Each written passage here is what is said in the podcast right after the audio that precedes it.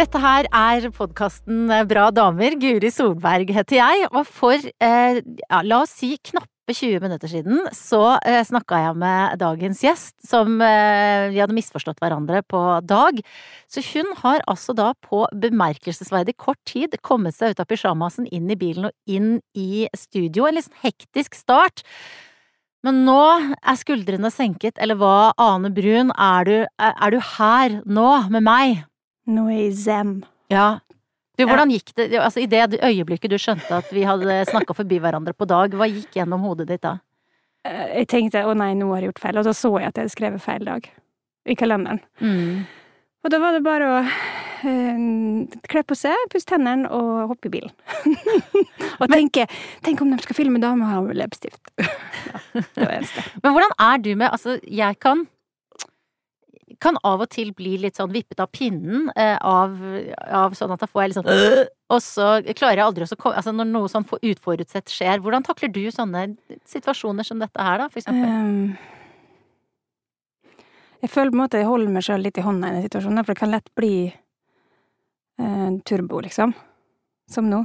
Og når man setter seg i en bil og er stressa, det siste man skal gjøre, er å kjøre fort, liksom. Mm. Så jeg måtte jo liksom ha litt sånn tak på veien, bare ro ned nå, du skal ikke ligge 50-40-sona, rolig, rolig, ja, du vet sånn. Så det er litt sånn coaching, da. Og så- også, liksom at litt den derre Det blir som det blir. Ja. Litt har man jo lært seg med åra- syns jeg, da. Er det sånn at du da snakker Altså når du sier det, det blir som det blir, og ikke kjør så fort, snakker du høyt da, eller? Nei. Det inni hodet. Så det er en slags Hvor mye sånn den type coaching som eh, du nå trengte litt av i bilen, hvor mye bedriver du det sånn i hverdagslivet? Sånn å snakke til seg selv, eh, enten høyt eller inni seg? Mm. Mm, Ganske mye, syns jeg. Altså Nå for tida så er jeg såpass eh, har jeg det bra, og er ganske stabil og sånn, så jeg føler at jeg ikke trenger like mye. Men eh, jeg har noen sånne innarbeida verktøy, da, som jeg tar bruk av, og det ene en av dem viktige er jo liksom å minne seg sjøl på de tinga som, som gjør at man kommer til sentrum i seg sjøl igjen, liksom, lite grann. Så, så definitivt bruker jeg det mye i hverdagen. Absolutt. Og så har det jo vært en, eh, en spesiell hverdag. Nå skal jeg ikke kjede de som hører på med å begynne å snakke om eh, korona, men det er noen ting som må nevnes. Fordi at Ane og jeg, vi hadde en, en litt annen plan enn en det det endte opp med. Vi skulle da eh, møtes på ikke helt ukjente Rockefeller og ha livepodkast der eh, 18. mars. Eh, Ane skulle prate, skulle spille. Maria Mena og Kari Bremnes sto på gjestelista, liksom. Eh, og så skjedde jo det som alle vet eh, skjedde. Men jeg er veldig glad for at vi fikk møtes her nå. Ja. Hvordan, hvordan har du det nå? Vi har jo snakka på telefonen sist, da, i mars, og avlyste. Eh, Mm. hvordan har du hatt det siden da? Og det her året føles jo veldig langt, må jeg si. Shit, det føles lenge siden. Mars. Ehm, og det er vel sånn det er i livet, at når mye ting skjer i oss, så føles det lenge. Føler jeg, da. Mm. En ferie der jeg bare ligger stille og leser bok, føles det som to dager. Men når det har skjedd mye, internt, int internally, Ja. så føles det lenge. Og det syns jeg det her året har vært. Altså, det begynte jo med den her skrekken, liksom. Bare, hva er det her for noe? Og skummelt, og hva kommer til å skje nå, og hvor lenge kommer det til å vare, og hva innebærer alt det her for, for alt, liksom, økonomi og helse og alt. Um, og så har det jo vært en prosess å på en måte finne en hverdag i det, da, syns jeg. Og også forsøke å være trygg i det, og jobbe, finne liksom måter å få gjort ting på, kontakt med dem man bryr seg om, og alle disse tingene der. Så jeg um, Når jeg ser tilbake nå, så har det vært mye positivt også, syns jeg, som har skjedd. Um, alt negativt er liksom litt sånn selvfølgelig, nesten. At Mm. man har vært redd for selve sykdommen, og andre skal få den, og, og hva det skal få for konsekvenser for, eh, for eh, dem rundt en, og også liksom verden og eh, mine kollegaer eh, som ikke har penger, og altså det er mye sånt. Men Mm. positivt så syns jeg at det har vært en crash course i min mindfulness, rett og slett. Ja, men det er jo virkelig det. Og det skiller jo, altså på en måte, det, sånne ytre ting som dette skiller jo da Clinton fra hveten i så måte, da. De, de som, som får det til å funke, og de som på en måte ikke er så mindful. Um, hvor store utfordringer har du hatt med å finne den indre roen? Jeg syns faktisk det har gått overraskende bra, må jeg si. eh, det, Jeg husker de to første månedene, tror jeg det var, eller en og en halv kanskje, så var det som at det tempoet i kroppen var fortsatt der. Så jeg, på en måte, du vet, man er sånn på vei hele tida, for jeg hadde, jeg, hadde liksom, jeg var midt i plateproduksjon og masse, masse planer og greier, og eh, jeg hadde akkurat sluppet den første singelen til plata, og vi hadde masse greier som skulle hende, liksom, og turné til høsten og slippe oh, oh, masse. Eh, veldig mye tempo. Og um, så den første, det som skjedde, var jo faktisk at jeg kom Jeg har jo bodd i Stockholm i 20 år. Så kom jeg til Oslo 10. mars for å feire bursdagen min med kjæresten min her, som jeg har her nå. Og da stenger det så det var ikke bare det at jeg skulle være hjemme, jeg skulle være hjemme hos kjæresten min, og ikke i Oslo, ikke i Stockholm. Fordi at jeg kunne ikke dra tilbake dit, for jeg visste ikke hvor jeg skulle komme hjem. Altså, det var så mye styr, så det var veldig mye som var nytt, da. Eh, og den første uka var man liksom på en måte på vei, men så innså jeg til slutt at det var ikke noe vits, for at man visste ikke hva skulle skje neste uke uansett, og alle ting ble avbooka. Var det noe som var på gang, så visste man ikke om det ble av, og det var liksom hele tida en slags sånn Og til slutt så tror jeg jeg kom til et punkt der jeg bare ok, ja ja, jeg får nå bare være det som er her, nå. Og det er vel det mest Eckhart Tolle man kan gjøre, tenker jeg. ja. Men du har jo da, ikke sant, etter uh, alle disse årene som eh, svenske, eh, så har altså Forstår jeg det riktig, har du rett og slett blitt sånn tvangsflyttet til Oslo? Liksom, nå blir du samboer, ja. nå skal du bo i Oslo? Litt sånn var det faktisk. Ja. Ikke at det var noe fryktelig vondt, men Nei. Men eh, det var jo sånn at jeg hadde gått og tenkt Jeg har truffet en kjæreste som faktisk er fra Molde, til og med. jeg har gått way back to the roots. Og han bor i Oslo, og vi har vært sammen i to-tre år nå. Og på en måte så fantes den tanken i hodet mitt veldig sterkt at nå kanskje jeg må flytte til Norge, for at han bor her. Eh, og, men å ha 20 år på et sted i Stockholm, med venner og familie og struktur, alt det som er rundt meg Ikke familie, men venner. Eh, jeg ser jo dem som litt som min familie, de nære vennene mine, eh, så, um, så var ikke det så lett, da. Og nå ble jo det her på en måte en slags spark i ræva, kan man si. Eh, at ja, nå får dere teste, vær så god. Ja. Så nå har vi vært samboere. og så har jeg vært i Sverige et par ganger med karantene og alt det der, så. Men det har vært, det har vært en fin, det er en av de fine tingene som har skjedd, da. at de faktisk fikk sjansen til å prøve det. Og var veldig fornøyd med det.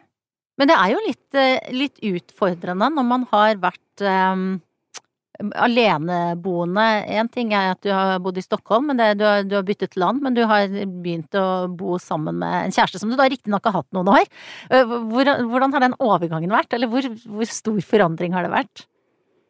Mm, jeg syns det har vært veldig fint, jeg. Jeg er en, veldig, jeg er en hund, da. Jeg vil jo ha en flokk rundt meg, så jeg har jo aldri likt å bo alene. Selv om jeg har vært nødt til det av og til, for jeg har vært singel. Men jeg har jo vært nær, veldig nær, liksom faktisk aktivt å søke kollektiv, selv om jeg har vært oppe i 30-40-åra, liksom, for jeg syns ikke det er gøy å bo alene. Jeg syns det er så kjedelig å spise frokost alene hver dag, alt det der. Så jeg er veldig fornøyd med å bo sammen. Så det er deilig. Eh, det som har vært utfordrende, kanskje, er at jeg hadde ingenting av mine ting, da, i begynnelsen, så det var veldig sånn Ikke mitt hjem, men det kan Det blir det jo mer og mer, selvfølgelig. Men uh, jeg syns det er positivt, jeg. Veldig deilig. Jeg, jeg, trives veldig godt med folk rundt meg, så jeg syns det var det er helt topp, faktisk. Man må jo ofte eh, jenke litt på kravene eller forandre seg litt når man skal eh, finne ro og harmoni med en annen person som eh, vet ikke jeg, åpner melkekartongen på en annen måte, sånn. eller sånn. Det har vært veldig lite ting. sånne problemer, altså, må jeg si. Det har vært veldig smidig. Mm. Kanskje vi er for voksne for å bry oss om sånt, jeg vet ikke. Ja, eller kanskje mm. motsatt, for jeg tenker ofte når man liksom har, eh, er voksen At vi er for ung for å bry oss. Eh, ja, at vi er for ung, ja. Jeg skal ikke vie meg ut på noe tyveri her, for nå faller blikket mitt på den nydelige eh, altså bestikkelsen som jeg fikk her, som en slags liten unnskyldning for at du kom, hadde misforstått dagen. Altså, det, det er noe med det er, det er jo litt sånn irriterende, fordi at det er sånn Du vet, folk er hjemme i barselspermisjon og skriver tre barnebøker og sånn. Og du, det jeg har gjort i, i covid-tida, det er å Eh, jeg har drukket litt mer alkohol enn jeg pleier, så jeg har hørt mange lydbøker og spilt Tetris. Ja. ja. Eh, du har laga to album. Det er på en måte eh, en sånn drive i deg, Anne, mm. som jeg beundrer veldig sterkt. Mm. Um, jeg kan jo lyge og si at jeg skrev disse albumene i år, det har jeg ikke gjort. Nei, de var du... skrevet i fjor, og de var spilt inn veldig mye før. Så det, ja, okay, jeg, gjorde, det jeg gjorde etter mars, var jo å gjøre ferdig plata, kan man ja. si. Vi satt på eh, kontor i Stockholm og i Oslo og London og jobba mm. remote, liksom, og miksa, og jeg gjorde pålegg i, i skapet til kjæresten min, og du vet, altså masse sånne ting, så det var veldig sånn hjemme, hjemmearbeid siste måneden, da. Men eh, jeg skrev én ny låt, spilte inn den sånn, men ellers så har det vært ganske lett å være aktiv fordi at selve grunnmaterialet var ferdig. Mm. Eh, jeg tror ikke jeg hadde klart, apropos det du sa nå, jeg hadde ikke klart å sette meg og skrive to plater i år. Fordi at den plassen hadde jeg ikke i, i hodet mitt, liksom, ut fra hva som skjedde i verden, da. Mm. Så det tror jeg kommer eh, Jeg veit at det er visse som har skrevet musikk i år, og det Jeg tror at Jeg husker det har vært mye snakk om det, liksom eh, Psykologer som sagt dere skal ikke ha dårlig samvittighet for ikke å klare å skape noe det her tida, for det er en påkjenning, liksom. Da må jeg også snakke om det her med Apropos det at jeg kom på feil dag. Koronaminne, som man Ja. snakker om, som er en, en ting, liksom. At eh, når ting sto på som verst, når ting var nytt, da, så er liksom hjernen så påkobla den greia hele tida uten at man tenker på det. Så man har ikke plass til uviktige ting som å velge rett dag da, på møte og sånn. At man glemmer bort litt sånn. Og jeg merka det i vår, at det var så glemsk. Så, så Var det? morgenen, jeg, jeg gjør det her i dag, jeg sier på telefonen, og så to dager etterpå så bare Hæ? så er det borte. Så nei, men jeg tror at man skal være ganske snill mot det sjøl og se tilbake på her året. Så jeg tror ikke det er noe sånn mislykka person for at du ikke har klart å skape noe i 2020. Det syns jeg ikke. Jeg satt mange rekorder da på Tetris. Det, Ja, det er jo bra i seg sjøl. Men du, du sa du, du hadde ikke klart å, å, å skape noe nå. Du har også snakka tidligere om hvor vanskelig det var å skrive eh, for deg da pappaen din døde. Da var det liksom ikke plass til det. Eh, og at når du skal skrive låter, så må det liksom komme fra et sted hvor det brenner inni deg, eller et eller annet. Det må knyttes til dine egne, egne følelser. Um, hva, kan det være hvilke følelser som helst? Du skal i gang med en prosess? Ja, det kan det virkelig være. Det jeg tror jeg kom frem til uh, Når jeg hadde skrevet musikk noen år, som jeg skrevet veldig mye på sånn Det var en, en eh, kollega med, jeg tror det var Teitur, faktisk, Færøyen, som sa det en gang at ganske sånn klassisk liksom, songwriter-utvikling er at man første plata skriver man liksom i en slags um, behov. Altså at man skriver ut følelser og får ut altså neste plate, og så etter hvert så lærer man seg liksom verktøyet, på en måte, og da blir det mindre sånn drama. Sånn opplever jeg det, at den første plata skrev jeg mye drama, da. Mm. Mye i de følelsene jeg opplevde der og da. Eh, og så når jeg er blitt voksen, eller eldre, så har jeg kommet inn i en slags, det er et slags håndverk. Sånn at jeg kan gå inn, litt som en skuespiller, at man går inn, man kobler til følelsene, man beskriver følelsene, eh, men jeg, ligger ikke mye og gråter når jeg skriver, på en måte.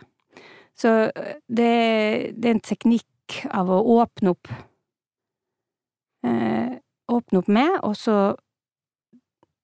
Uansett hva jeg skulle skrive om, spesielt kom jeg på det når jeg ville skrive om, om verden, om samfunnet, om ting som er rundt omkring meg, at om jeg skal kunne skrive om det, så må jeg gå bort fra hodet og ned i hjertet, sant? for ellers så blir det ikke bra.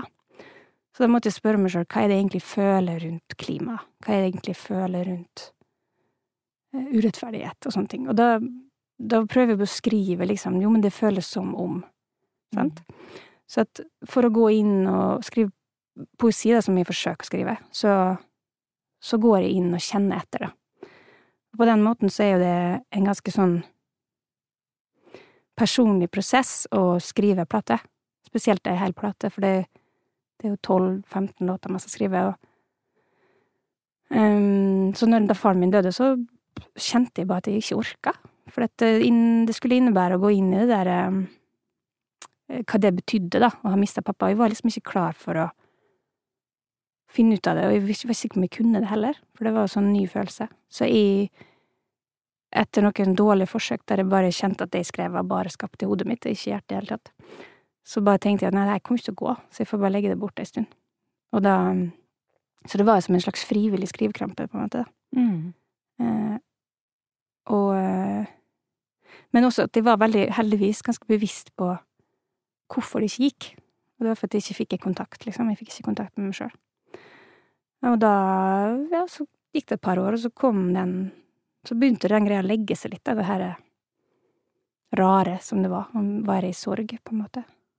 Selv om jeg levde, jeg levde jo et liv, jeg spilte jo og gjorde coverplate, og på overflaten så det jo vanlig ut, men eh, det var mye som pågikk i underbevisstheten, da. Men er det, føles det som en slags krise for deg? Det å ikke nå inn til det du vanligvis har så eller jeg vet ikke, lett tilgjengelig blir kanskje enkelt å si, men i hvert fall tilgjengelig for deg, da? Jeg opplevde det ikke sånn, da. Jeg følte at jeg hadde så mye annet jeg kunne holde på med.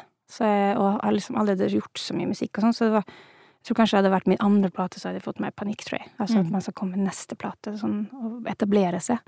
Men jeg var liksom ikke i den situasjonen, så det var greit, liksom. Men ehm, Så jeg bestemte meg for å gjøre masse andre ting fordi at jeg ikke kunne skrive. Som coverplate og orkesterting og masse Mm. sånt. Så, så det var ikke sånn Det var, det var ikke krisa i seg sjøl. Krisa var mer at jeg, jeg ble rett og slett satt ut av Satt ut av det litt. Å være, være sorg var en veldig ny eh, erfaring for meg. Men du, det også sånn ellers, da, ha sånn tilgang på følelsene dine, eller være i kontakt med følelsene dine, det er jo på en måte en slags sånn forslitt uttrykk, men det er jo så viktig og noe som veldig mange søker etter, eh, ønsker å få til, og jeg tenker at når man får til å skrive, så har man på en måte funnet en, en nøkkel til det. Eh, har du alltid hatt den evnen, eller kjent på den liksom, hå, der er eh, Mm. følelsene. Mm, Ja, på en måte så tror jeg at det fins Jeg har funnet seg hele tida, for jeg skrev en del dikt og sånn da jeg var tenåring, og jeg kan, når jeg ser dem, så ser jeg at det er litt samme måte å skrive på som jeg gjør nå, men jeg tror at um, Forskjellen er at når jeg skriver nå Jeg gikk i terapi i mange år, jeg har jobba mye med meg sjøl og liksom lært hva mine ting kommer fra, da. Hva de tinga jeg gjør som jeg ikke forstår, hvorfor gjør jeg det? Jo, det kommer fra det og det og det. Og da får man også, det, det er mange som er redd Jeg husker noen også sa at vi vil ikke gå i terapi, for det ødelegger låtskrivinga mi. Men for meg har det vært bra, fordi Ja. at det har gjort at jeg får et, et enda bredere perspektiv, og enda djupere perspektiv på følelseslivet, da, på en måte, så man kan skrive om enda mer, på en måte. Og ikke bare, som jeg sa i stad, det her dramaet som man er i når man er ung, når man liksom føler en følelse, så bare springer man etter den følelsen, bare lever den ut hele veien, og ikke tenker på hva det egentlig handler om, da. Så, så på den måten så, så tror jeg at jeg har alltid vært i kontakt, men kanskje ikke alltid visst hvor ting kommer fra. Og det, det er vel det som handler om å bli moden, tror jeg. Og det har du fått hjelp til å finne ut av. Det har det vært mange sånn eh, overraskelser der når du har gått i terapi? Ja, det var et par ting som overraska meg, og så når det på en måte Og så ruller det videre til neste, sant. Hver, hver innsikt ruller til neste, på en måte. Det åpnes opp en stor, et stort kart. Eh, og det husker jeg første året var jo som en sånn Man gikk derfra hver gang og bare satt og stirret en halvtime og bare what the fuck, liksom. Men så, så ble jo det på en måte en strukturell eh, prosess man var i, og, og, og så gjorde jeg det i mange år, da. Det var jo det beste jeg har gjort, liksom. Så det var Jeg er veldig takknemlig for det. Har det forandra deg? Um, på en måte har jeg forandret meg, men jeg tror ikke ter terapien forandrer meg Jo, den har jo vært med på det også. Jeg tror man bare kommer nærmere seg sjøl, faktisk, enn at man forandrer seg sjøl. Eller jeg vet ikke, det er så vanskelig å si det med liksom, hva, hva er det man forandrer Jo, man kan jo forandres, altså hjernen er jo veldig foranderlig, så det kan godt hende at jeg har forandra meg. Iallfall visse um, Visse mønster som man har hatt med seg, sånn har jeg forandra. Mm. Men jeg føler jo på en måte, når jeg kikker tilbake på mine unge aner, så ser jeg jo at det er i, da. Mm. Jeg, liksom, jeg føler jo at mye av Og det sier jo gamle venner også, at du liksom De ser meg på TV og sier 'Det var akkurat som du var når du var du vet. At de ser liksom med, da, Ja. det. Og det, og det er liksom det er jo, Man har jo en altså, essens, på en måte, som man tar med seg videre. Og det, jeg tror jo mer man ser den essensen, jo mer er man vel sann mot seg sjøl, på en måte. Tenker jeg. Mm. Og mamma sier også det, at hun ser det i Jeg husker at jeg spilte inn um, en video som heter Honey, da. Der jeg danser ganske mye, springer rundt i Oslo og danser og sånn. Da tror jeg mamma sa noe om at 'jeg ser det igjen i den lille jenta som er så glad'. Du vet, At hun ser liksom meg, da. Ja. Og det syns jeg er veldig fint, for det, jeg føler også veldig mye det sjøl. At jeg er veldig hel i dag. At jeg, jeg har med meg alle, alle deler av livet, på en måte. Så det er fint. Og det var interessant at du tok opp det, for jeg, jeg skulle akkurat eh, spørre deg om Honey. For at, eh, av og til i, i denne podkasten så, så kan det dukke opp spørsmål som der, ja, hvilket råd ville du gitt til deg selv da du var 14, eller Mm. hvordan var du da du var tenåring og sånn. Og den låta er jo eh, mye Altså, du som synger til deg selv som Mm. jeg vet ikke er fjortis, og det er Honey, sant? At du Mm. er på en måte Og du har jo beskrevet dette i andre intervjuer at du ville liksom Å, det kommer til å gå bra! At du har en sånn kjærlighet for den du var. Eh, og det er jo også Det syns jeg kommer Det ser jeg i den videoen også. Det er veldig, veldig rørende. Eh, Men selv, ja, mammaen din ser deg, da. Eh, men hvordan, hvordan så du deg selv eh, da du var denne Honey, som du synger om? Altså for, Hva skal jeg si, da? Jeg tror å være 18 i 1994, 3, 94, er så annerledes enn jeg var 18 i dag. Mm. Altså, vi hadde jo ikke noe speil på oss. Vi var jo bare. Det var jo ikke noe sånn altså, Den, den selfien vi hadde, var jo når vi gikk på busstasjonen og tok sånne ja, det er sant! bilder i tomat liksom. ja. Og så satt man og så på dem mange timer sammen Mm. og bare 'se hvordan de ser ut der', og fnisa og sånn. Uh, og så var det bilder fra festivaler og ting som man, som man fikk i posten og sånn. Det var liksom det blikket man hadde på seg sjøl, og det tror jeg på en måte gjorde at når jeg var 18, så var jeg nå veldig, veldig mye mer bare med i det jeg var i. Eh, jeg var ganske sånn, likte å feste og hadde mye venner og klarte meg bra på skolen og det var en ganske ukomplisert, egentlig, tilværelse for meg i Molde. Så jeg var en ganske glad dame, liksom. 18-åring. 18-årsdagen var liksom det største dagen, sant. eh, og Nei, men jeg, jeg tror at jeg var en ganske sånn eh, lett person, da. Og, eh, da. Eh, og den lettheten, den liksom forsvant litt ut i 20-åra. Da kom liksom livet inn, da. Og forstyrra den litt. Og den har kommet tilbake nå. Siste året. Så liksom, det er veldig deilig. Altså lettheten har kommet tilbake? Mm. Mm. Absolutt. Siste fem-seks åra kjenner jeg at den er tilbake, liksom. Det er veldig godt.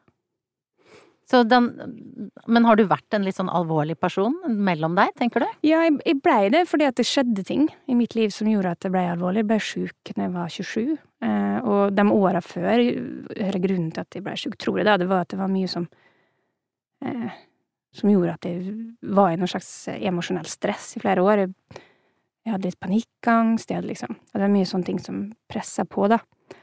Eh, som gjorde at eh, sant, nettene ble litt vanskelig, man skulle sove, man er urolig, og eh, litt sånne ting som gjorde at man ble urolig. Og når jeg ble sjuk, da, i, når jeg var 27, fra å ikke ha vært sjuk aldri i mitt liv, til å bli skikkelig dårlig og ligge på sjuk i flere uker og, og sånn, med lang rekonvalens, så, så blei det som at livet blei veldig tungt, da, for meg, å, å bære det aleine, på en måte. Og da, og da, når jeg ser på det i ettertid, så var det nesten som at jeg tror jeg fikk posttraume av det, liksom etterpå. Ja. Når man tenker, altså Jeg vet ikke hvor alvorlig man kan si at det er, men i posttraume, men jeg opplever det som det, for at når jeg kom ut av den sykdomsperioden, så var jeg veldig, veldig redd, sant, og den redselen tok jeg med meg de neste åra.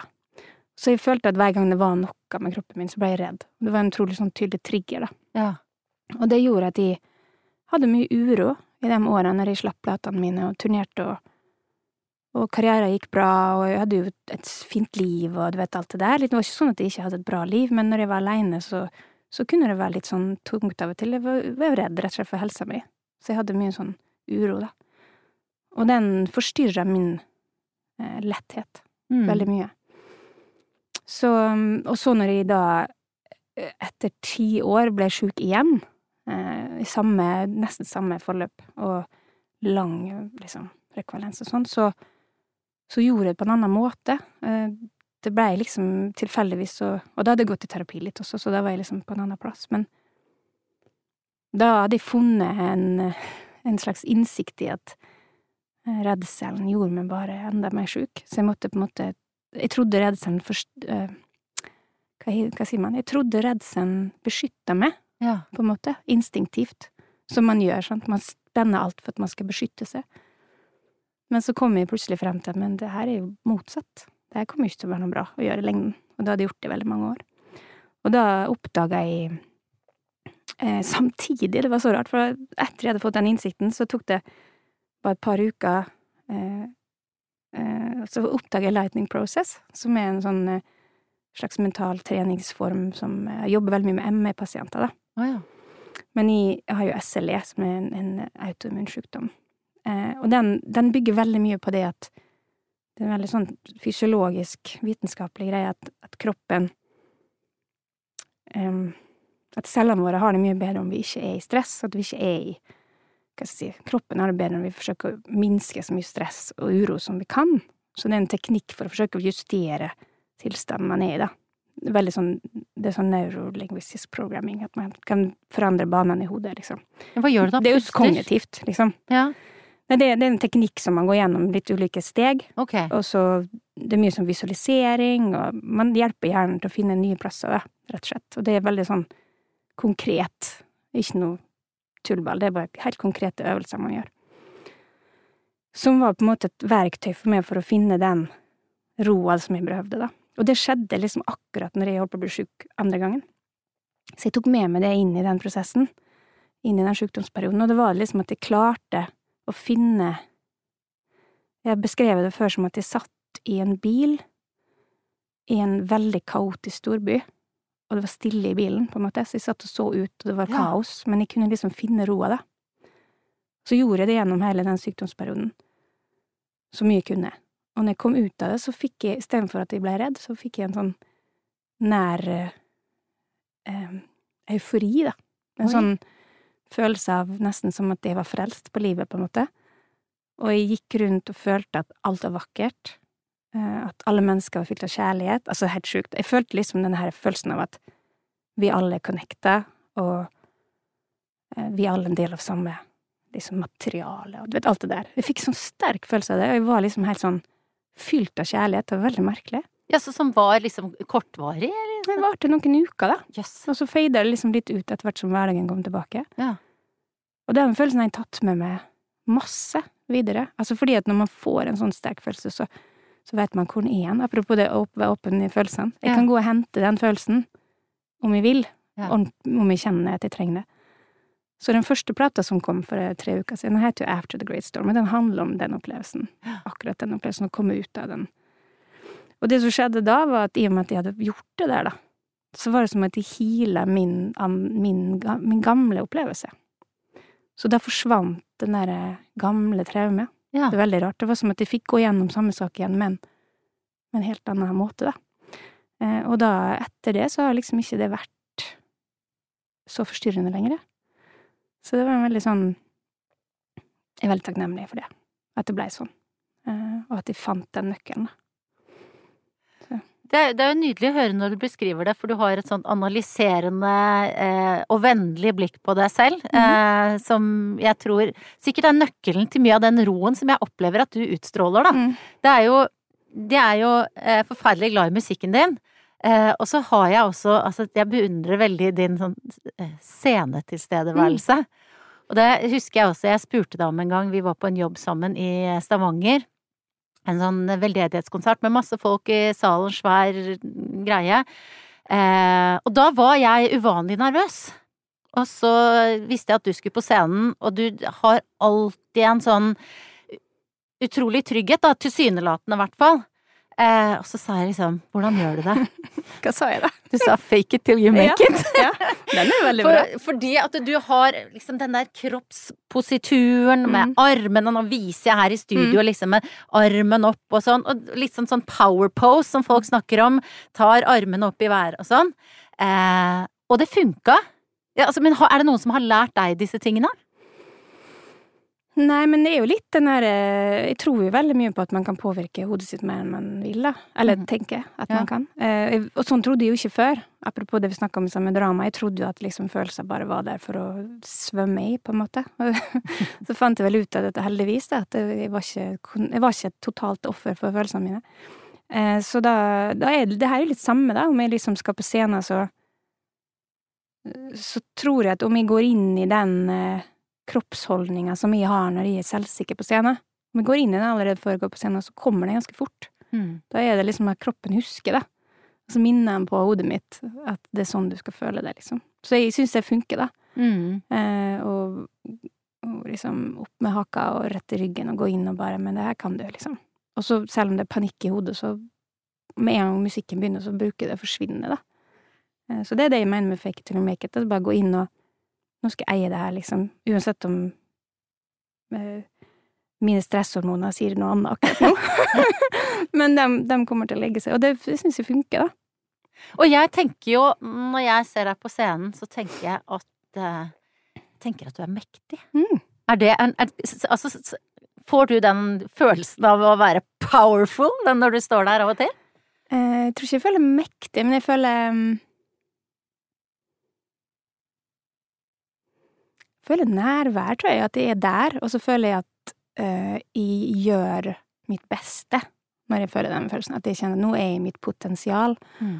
Og det er noen så heftige greier som jeg har kjent Det var venninna mi som sa det noen ganger jeg hadde gjort noe sånn Noe stort, liksom. En stor konsert, eller hva det var. Jeg husker ikke hva det var, men hun sa at det er så kult å se når du får stå i ditt potensial.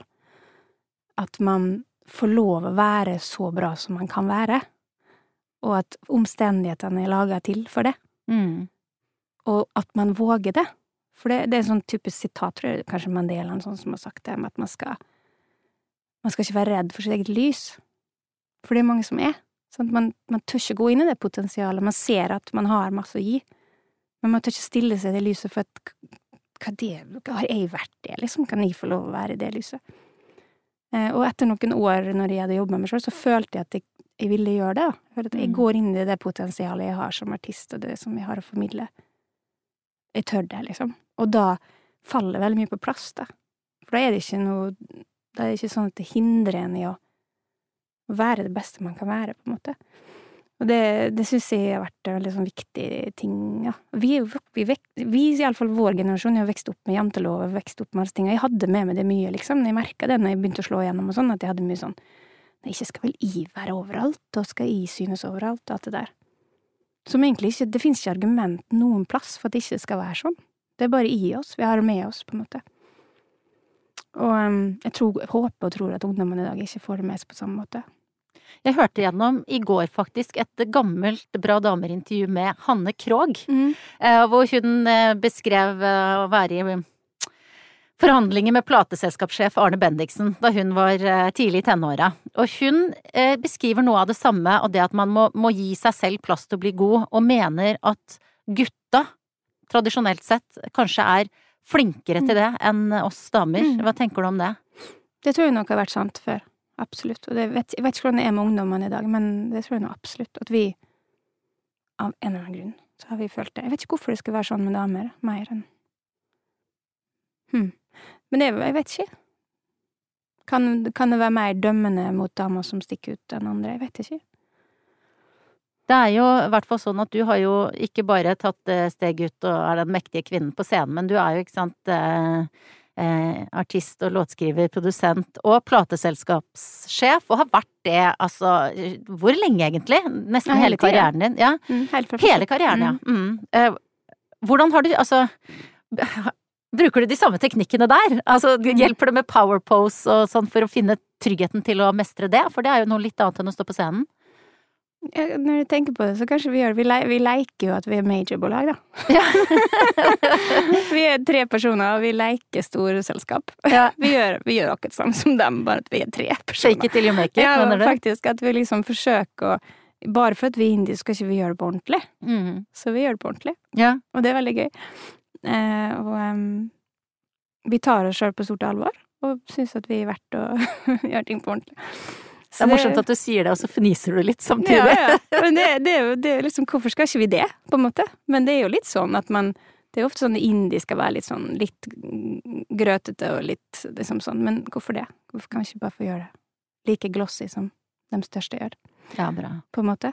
Eh, og jeg er utrolig takknemlig for den reisa jeg har gjort med det, da, for at eh, jeg begynte jo som independent eh, etter at jeg hadde sendt ut tre eksempler låter til kanskje fem selskap, en sånn mellomstore selskap, og så fikk jeg bare sånn dritkjipe, treige svar, og bare kjente at det her orker jeg ikke. Jeg vil jo go, liksom. Sette på giret, høyt gir og dra. Eh, og da Så da begynte jeg for meg selv, for jeg kjente at det var mye morsommere, da. Og så har liksom åra gått, og hver gang vi har første tre-fire platene, så var det liksom litt sånn, skal vi snakke litt sånn løst om kanskje vi skal sjekke om vi kan få en deal og sånn, men så var ingen av oss egentlig ville, da. Nå snakker jeg om Mikke, da, som jeg jobber med hele Mhm. veien, det er min manager. Ingen, Nei, men det er jo ganske gøy, det her. Og så har vi jo kommet frem til at vi har det jo så gøy, for at vi, vi bare gjør. Vi bare, jeg trenger, trenger ikke spørre noen, vi. Vi bare gjør det vi vil gjøre. Og i år har jeg sluppet tolv singler og to album, og det tror jeg ikke jeg skulle fått gjort på et plateselskap. Et stort plateselskap. Så vi bare, vi bare gjør det vi gjør, og det er så gøy, og jeg er så takknemlig for det. Er frihet viktig for deg? Ja, jeg har funnet ut det, da. At det er viktig. Og jeg tror at for meg som kunstner eller musiker, så har det vært eh, virkelig viktig. Og det er fordi at jeg var helt grønn. Jeg begynte liksom Jeg hadde bare gitaren og sangen og laga låter og bla, bla. Og så har hele karrieren vært som en skole, på en måte, og en, en utvikling. Og, og det som er fint på en skole, er at man får prøve og prøve og prøve, sant. Men ingen som stopper en. Eh, eh, og så kommer man ut i virkeligheten, så må man liksom få budsjett og du vet alle tingene. Men jeg har ikke behøvd det. Jeg har bare fortsatt å kre liksom være kreativ og når jeg vil, sant. Det er Mm. ingen, ingen som sier at det må skje nå, eller det må skje neste år, eller bare gjør det når du vil. Og da har det jo ofte kommet veldig mye også, fordi at jeg har hatt mye på hjertet. Og det er jo også en ting som skjer når man har et, et selskap. Det ikke, jeg mener ikke at selskap er dårlig, men det som, er, det som er forståelig, er jo at de har ikke tid til å slippe masse musikk hele tida med en artist. Det er mange som skal ha plass, og det er mange som skal ha budsjett, og det er mange som skal ha presseavdelinger og alt sånt der. Så det er jo snakk om logistikk, mer eller mindre. Men i min situasjon så kan jeg jo alltid gjøre det jeg vil, for at jeg bestemmer når jeg hyrer på folk, på en måte. Så det, det har vært fantastisk for min, min kunstnerlige utvikling, tror jeg har vært veldig viktig at jeg har vært fri, da. Mm. Du, du sa det at lettheten hadde kommet trippende inn i livet ditt nå de siste årene. Um, og det er jo eh, den, den styrken som du har på scenen. Altså, jeg, jeg opplever ofte at musikken din er omgitt med et stort alvor, da. Mm. Eh, samtidig som eh, sånn du er utenom, så er du jo litt Du er jo en litt sånn fnisete, blid Mm. dame.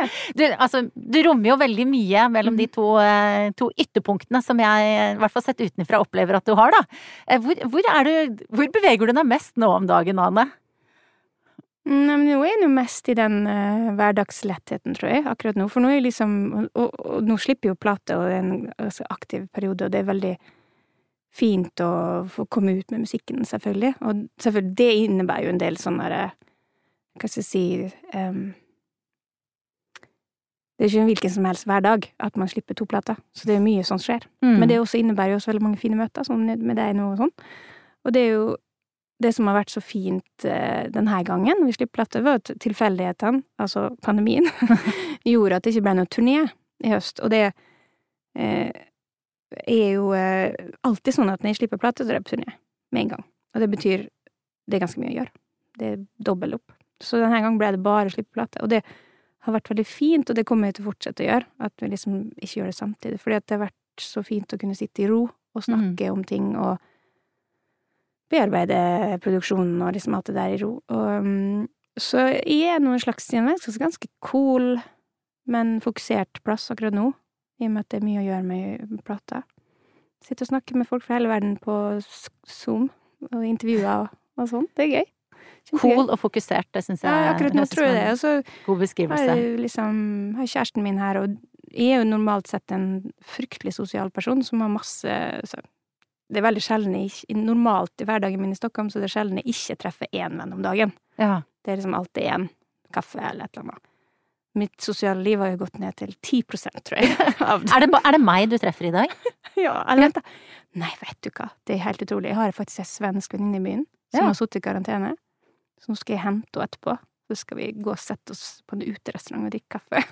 Er Før du, får gå, før du får Mm. gå dit, så må du få de tre spørsmålene som jeg alltid Ja. Mm. pleier å avslutte eh, podkasten med. Det er eh, Hva spiste du til frokost i dag? Knekkebrød med nab naboens faktisk blåbærsyltetøy.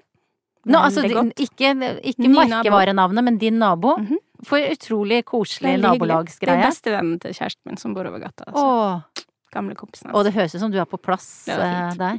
Hvor lang tid brukte du på å finne ut hva du skal ha på deg? Og her vet dag? jeg jo Ja, Ja, I og med at jeg hadde tre minutter, så var det det du brukte. så tok jeg det jeg hadde i går. Ja. Som har en veldig, veldig stilig genser. Den er jeg så glad for. Ja. Den, Den er liksom er hverdagslig, men litt glamorøs. Ja. Helt eh, det, Ane ser ut som hun har litt sånn vinger, Det. på en måte. Eh, sorte englevinger som Mm. er i ferd med å eh, vokse ut. Eh, siste spørsmål er når hadde du sex sist? Nei, men uff. Det var vel Det er ikke så lenge siden. Jeg har jo kjæreste og bor med ham, så det er ikke så lenge siden. Ja. Det er sånn typ sånn Det hadde vært kjipt om jeg var singel, da hadde jeg sikkert sagt «Åh, er sikkert et år. ja. Nei, men du er på, på en god plass Mm. med, med nylig sex og blåbærsyltetøy. Det, er- det unner jeg deg, Ja, ja. Og tusen takk for uh, nydelig eh, plate, som ser nydelig ut, og som jeg vet er uh, vet inneholder Mm, godsaker. så fint. Tusen takk! Tenk at vi fikk det til! Ja. Takker du.